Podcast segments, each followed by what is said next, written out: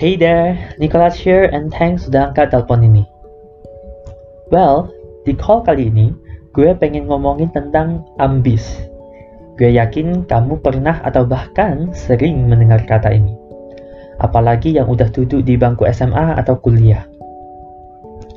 Bagi yang belum familiar dengan istilah ini, mungkin gue ngasih konteksnya sedikit. Kata ambis ini sebenarnya banyak tafsirannya atau artinya, baik positif maupun negatif. Misalnya, kalau ada orang yang belajar pas weekend, bukan ketika ada ulangan, orang tersebut kemungkinan besar akan dicap ambis. As you can see, kata ambis ini lebih cenderung atau lebih sering digunakan sebagai suatu ejekan atau ledekan sehingga muncul suatu image gitu di mana kalau dicap ambis itu semacam sesuatu yang negatif or something to be embarrassed about sesuatu yang membuat seseorang malu. That's why judul call kali ini malu ambis tanda tanya. Actually it's been a while gue pengen bahas tentang topik ini. So let's talk about it now. Anyway as usual konteks gue ini lebih ke yang masih sekolah atau kuliah. Menurut gua, ambis itu sesuatu yang fine-fine aja atau malah bagus. Sesuatu yang malah harus dibanggakan bukannya malu. Selama hal-hal yang kita lakukan itu atau cara yang kita pakai untuk mencapai tujuan kita itu masih positif. Mungkin gue mulai dulu dengan kenapa ambis ini bisa menjadi negatif. Mungkin sering kita lihat kalau orang yang ambis itu jadi egois. Misalnya kayak ada temennya yang tanya tentang pelajaran, dianya jadi enggak mau ajarin, dianya jadi melihat semua orang itu sebagai saingan, dianya merasa rugi kalau ngajarin orang lain. Nah, ini salah satu contoh yang negatif. Tentunya kalau mau ngambis, tapi gitu caranya, gak salah sih itu dicap negatif. Tapi, sering banget, kenyataannya, ambis itu digunakan sebagai sebuah ledekan bukan ditujukan kepada orang-orang seperti contoh tadi. Malah ditujukan ke orang-orang yang benar-benar pengen belajar. Ini yang gue sayangkan. Di sini gue mau encourage atau menyemangati kamu. Kalau kamu ada di posisi seperti itu, di mana kamu mungkin sering diledek gitu karena kamu mau belajar dengan giat. Pesan gue, jangan peduli dengan ledekan itu, apalagi down. No, don't be. Jangan jadi merasa enggak gaul atau apa gitu. So let me tell you why. Gue rasa ambis itu sesuatu yang sebenarnya positif dan patut dibanggakan.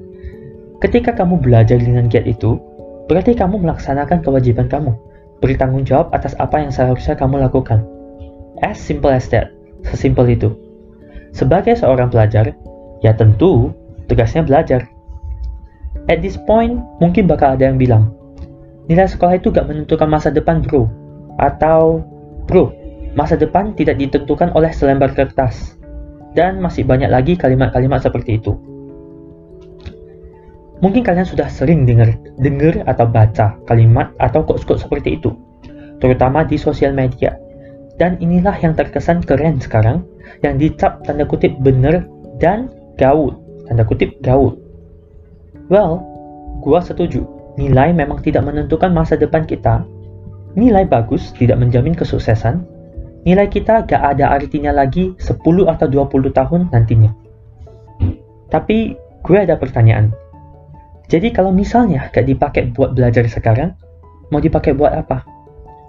Sering banget yang ngeledekin orang ambis atau orang-orang menyebutkan quotes-quotes tadi, waktunya tuh dihabiskan untuk hal-hal yang, well, tidak produktif juga. Misalnya cuma main game, nonton TikTok, scrolling IG, dan sebagainya. Again, Sering banget mereka cuma menyebutkan kata-kata itu untuk menjustifikasi hal-hal yang mereka lakukan, untuk menjustifikasi tanda kutip kemalasan mereka. Dan sering banget kalimat-kalimat tersebut ketika mereka mengutip dari orang-orang sukses, mereka mengambilnya itu out of the context, keluar dari konteksnya. Jadi apakah itu lebih baik? Sudah pasti jawabannya tidak kan? Di sini gue mau disclaimer bentar gue nggak bermaksud kita tuh harus belajar terus saja atau tanpa istirahat gitu. Enggak, that's not what I mean. Yang mau gue sampaikan dari contoh tadi, seperti main game atau nonton TikTok itu, yang gue maksud itu adalah orang-orang yang kerjanya cuma nyinyir, tapi aktivitas mereka juga gak ada yang produktif. Waktunya cuma dihabiskan dengan kegiatan-kegiatan seperti yang gue sebutkan tadi. So, kembali lagi ke pembahasan kita. Kalau misalnya memang ada hal yang lebih produktif lagi, misalnya ada seseorang yang sangat suka main bulu tangkis. Pengen jadi atlet bulu tangkis. Passionnya udah ada di sana lah. Jadi dia mau coba buat latihan keras biar bisa menggapai impiannya itu. Ya ini bagus, sehingga mungkin dari segi akademis dia enggak begitu fokus, enggak apa-apa. Again, di sini gue bilang tidak begitu fokus, bukan sama sekali tidak peduli.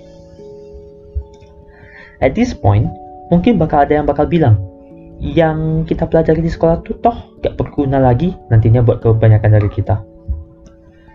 Emang, lu bakal masih pakai tuh integral, ngitung nilai gesek, atau reaksi redox Yes, gue setuju. Banyak hal yang kita pelajari di sekolah itu kemungkinan besar gak akan ada kegunaannya langsung di kehidupan kita nantinya. Again, gue mau tekankan, gak ada kegunaannya langsung di kehidupan kita. Tapi, kalau kita udah pelajari semua itu, pola pikir kita tuh udah terbentuk atau udah terlatih lah gitu. Ini yang menurut gue sangat penting. Pembahasan ini mungkin kita keep dulu untuk call line. So back tentang ambis. Well, gue setuju banget. Kalau misalnya cuma belajar pelajaran sekolah gitu, itu kurang bagus. Harus juga dibarengi dengan berbagai aktivitas lain, misalnya ekstrakurikuler. Tapi, memang agak disayangkan. Sepertinya kegiatan ekstrakurikuler untuk kebanyakan pelajar di Indonesia itu masih cuma sekedar formalitas doang. Belum benar-benar diberdayakan dengan baik. Banyak pelajar yang masih ngikut ekstrakurikuler karena semata-mata diwajibkan sekolah aja. Jadi, apa sih yang mau gue coba sampaikan dari call ini? Kalau kamu dicap ambis, karena memang benar-benar mau belajar, gak usah dipedulikan hal tersebut. Lagi pula, apa yang kamu lakukan itu bagus dan benar, jadi jangan malu apalagi down. Justru kamu harus bangga. Berarti kamu itu udah bertanggung jawab setelah diberi waktu dan kesempatan untuk belajar. Kamu juga udah menghargai dan memanfaatkannya dengan baik. Abaikan aja orang-orang yang nyinyir atau apa gitu. Biarkan aja mereka berkoar-koar. Kalau misalnya sekarang lingkungan kamu semuanya masih seperti itu, gue harap kamu bakal segera ketemu teman dan lingkungan yang suportif. Kalau kamu udah ada teman atau lingkungan yang suportif, great, bagus. Fokus saja saling support.